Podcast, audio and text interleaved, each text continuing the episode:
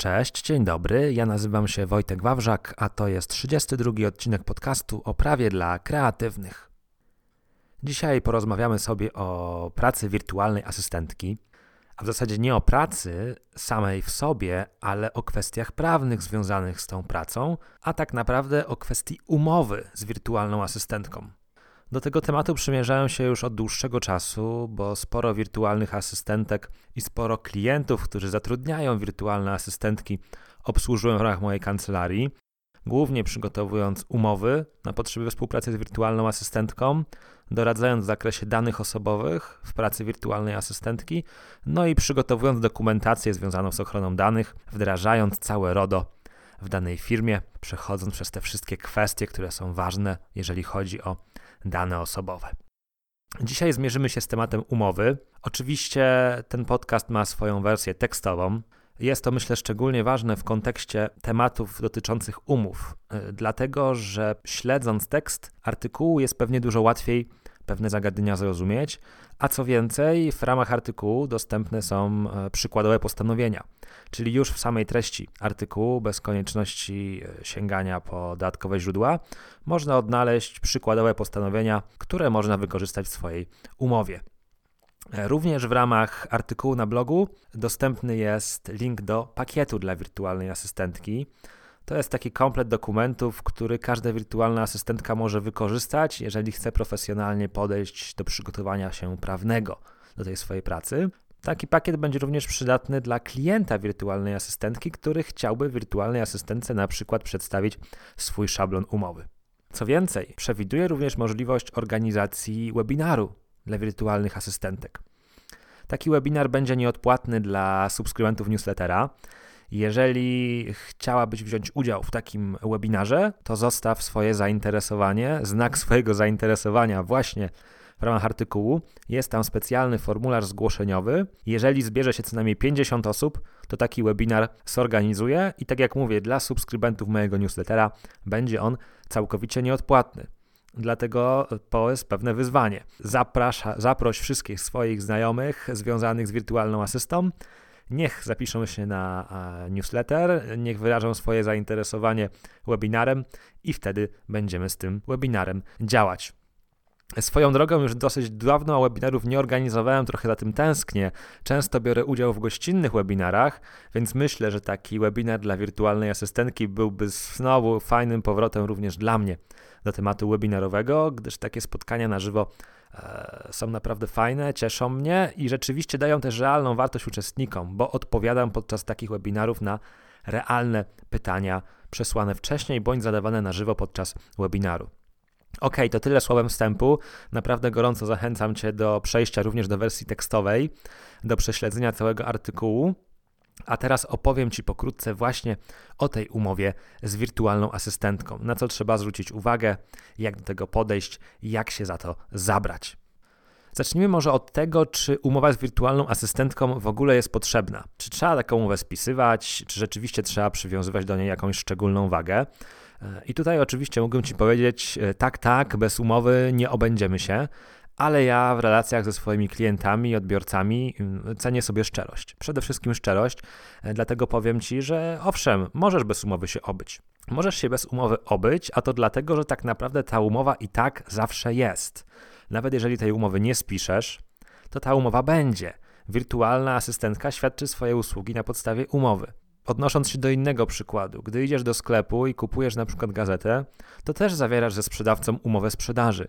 Nie spisujecie tej umowy, bo przecież nikt normalny nie będzie spisywał umowy na potrzeby pójścia do kiosku i kupienia gazety, ale ta umowa jest. I tak samo jest z wirtualną asystentką. Możecie nie spisywać umowy, możecie umówić się na przykład mailowo, czy nawet w sposób ustny, ale i tak usługa będzie realizowana na podstawie umowy. Natomiast ta umowa w formie pisemnej najczęściej przydaje się dlatego, że w pracy asystentki mamy do czynienia z prawami autorskimi. Wirtualna asystentka często zaangażowana jest w różnego rodzaju projekty, które wiążą się e, z pisaniem, tworzeniem e, grafik, wykonywaniem zdjęć.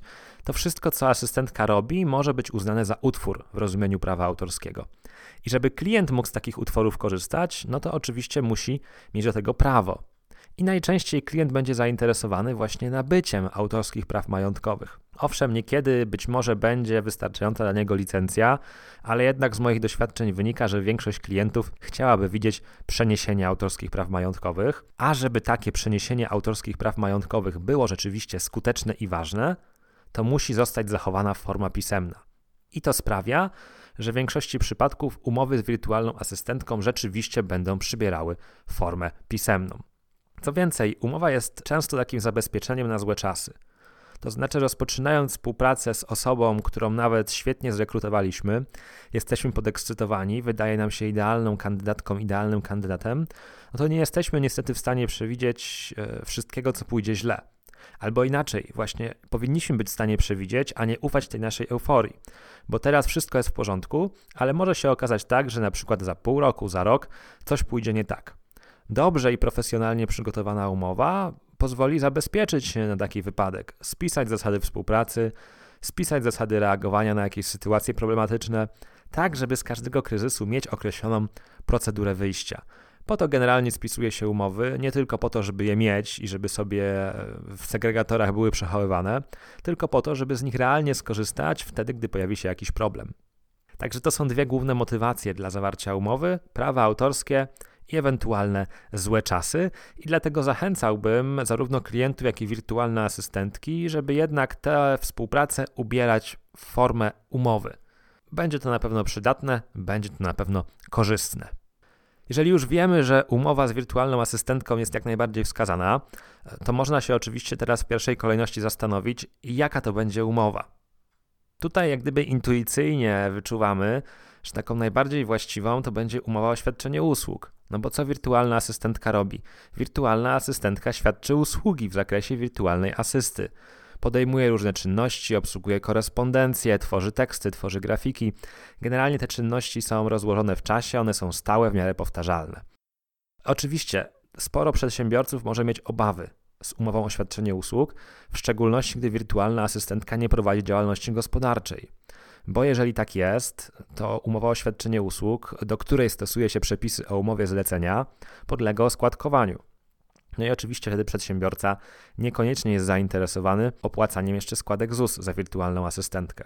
Dlatego niekiedy zdarza się również widzieć takie umowy o współpracy. Taka umowa o współpracy to jest taka umowa, mocą której przewidujemy pewne stałe zasady współpracy. To znaczy, klient będzie powierzał wirtualnej asystentce co jakiś czas jakieś zadania, składając określone zamówienia na określone zadania, i każde takie zamówienie będzie prowadzić do zawarcia oddzielnej umowy o dzieło.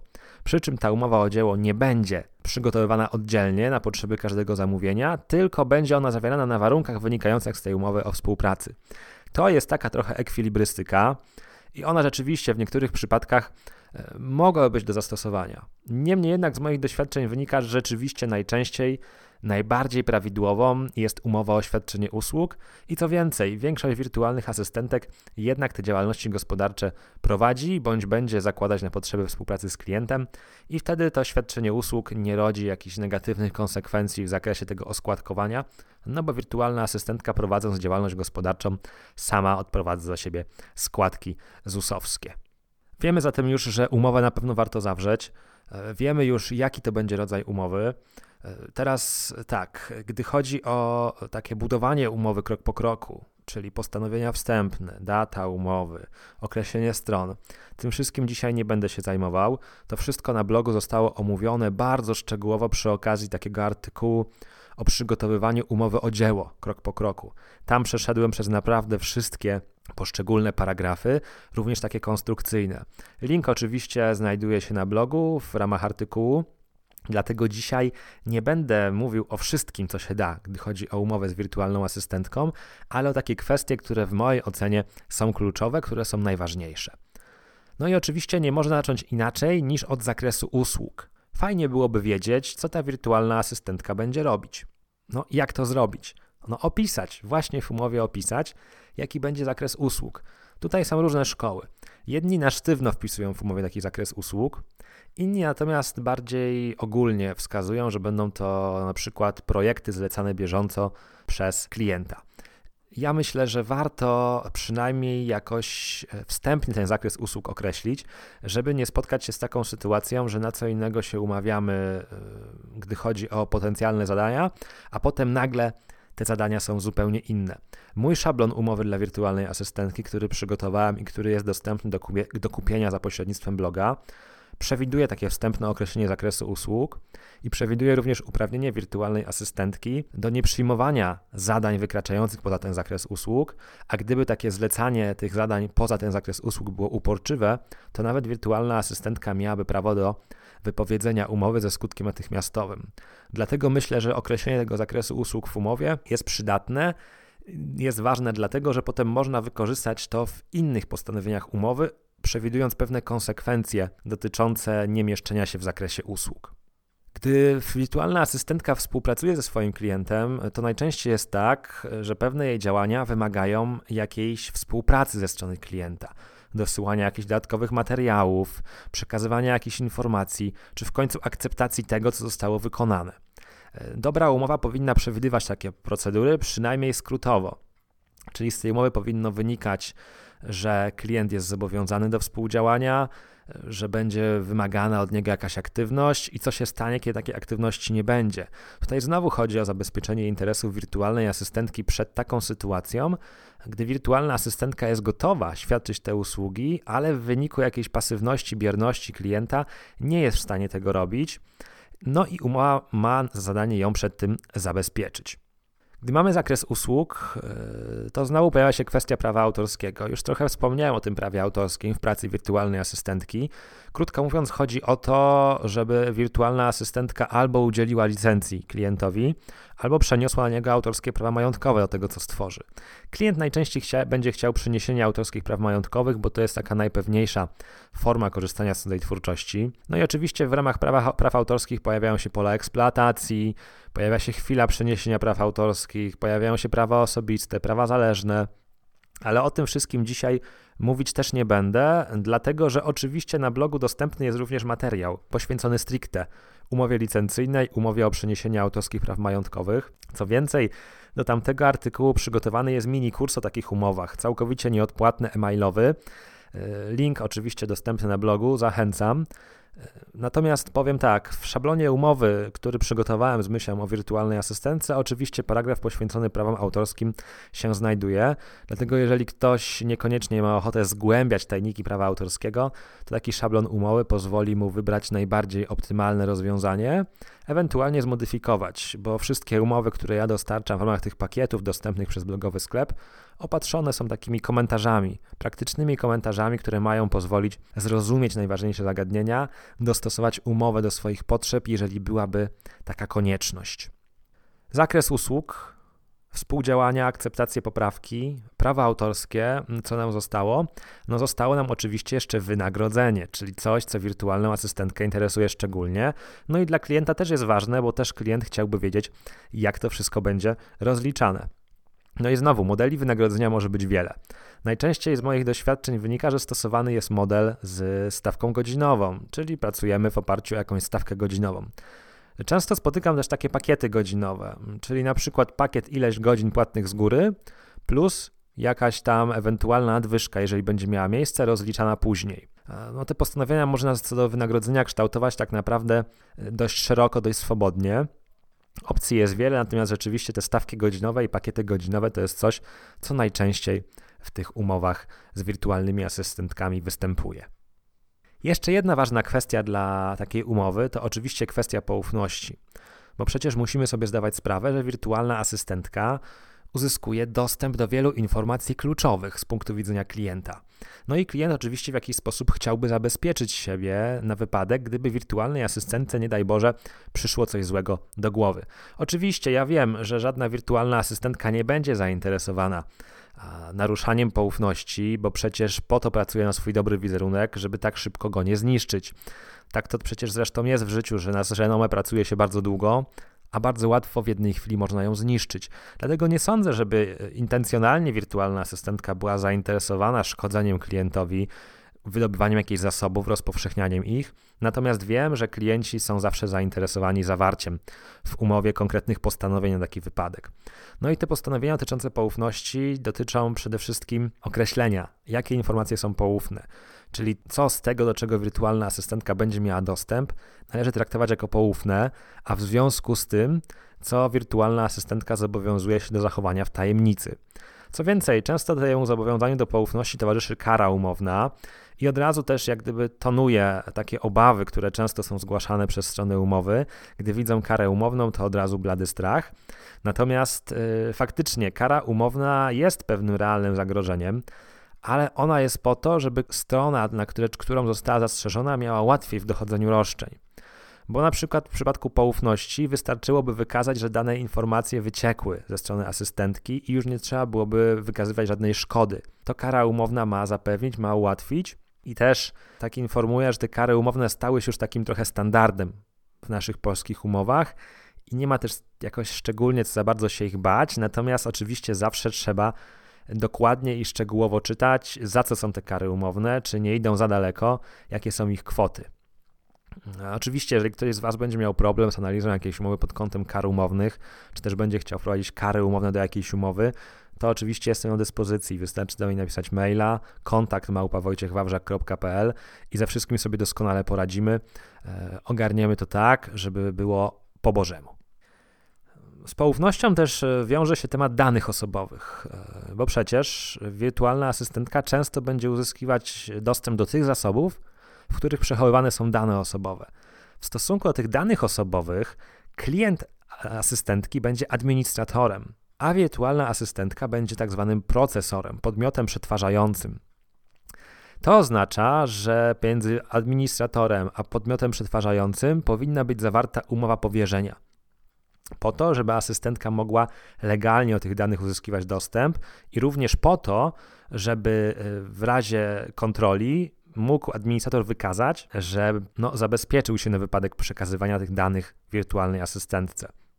E, umowa powierzenia oczywiście e, znajduje się również w tym pakiecie dla wirtualnej asystentki przygotowanym przeze mnie.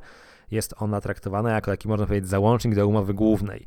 E, bo oczywiście można by postanowienia dotyczące powierzenia danych wpisywać do umowy podstawowej, natomiast treść umowy powierzenia jest na tyle sformalizowana, na tyle szeroka z uwagi na regulację RODO, że lepiej uczynić to po prostu oddzielną umową i już jak gdyby nie zaciemniać obrazu w tej umowie głównej. Jeżeli jesteśmy już przy tych danych osobowych, to warto też powiedzieć, że ta umowa powierzenia to nie jest jakiś jedyny obowiązek. E, to znaczy, często ja spotykam się z przekonaniem klientów, czy też taką prośbą skierowaną do mnie: Panie Wojtku, ja bym chciał przygotować dokument RODO. E, RODO to nie jest żaden dokument, to znaczy nie da się załatwić ochrony danych osobowych jakimś tam dokumentem. Ochrona danych osobowych, zarówno po stronie administratora, jak i po stronie podmiotu przetwarzającego, to jest szereg czynności. Chodzi o wdrożenie odpowiednich procedur postępowania z tymi danymi, zdiagnozowania pewnych ryzyk, zabezpieczenia się przed tymi ryzykami, wprowadzenia środków ostrożności, spisania tego wszystkiego w ramach tak zwanej dokumentacji ochrony danych osobowych, po to, żebyśmy mogli wykazać, mieć ładną dokumentację, w której wszystko jest zawarte, co i jak z tymi danymi osobowymi się dzieje. Także uprzedzam, że jak gdyby sama umowa, w której owszem, zawarty jest obowiązek informacyjny, która owszem może załatwiać temat powierzenia przetwarzania danych, to ona jeszcze nie załatwia wszystkich obowiązków związanych z RODO.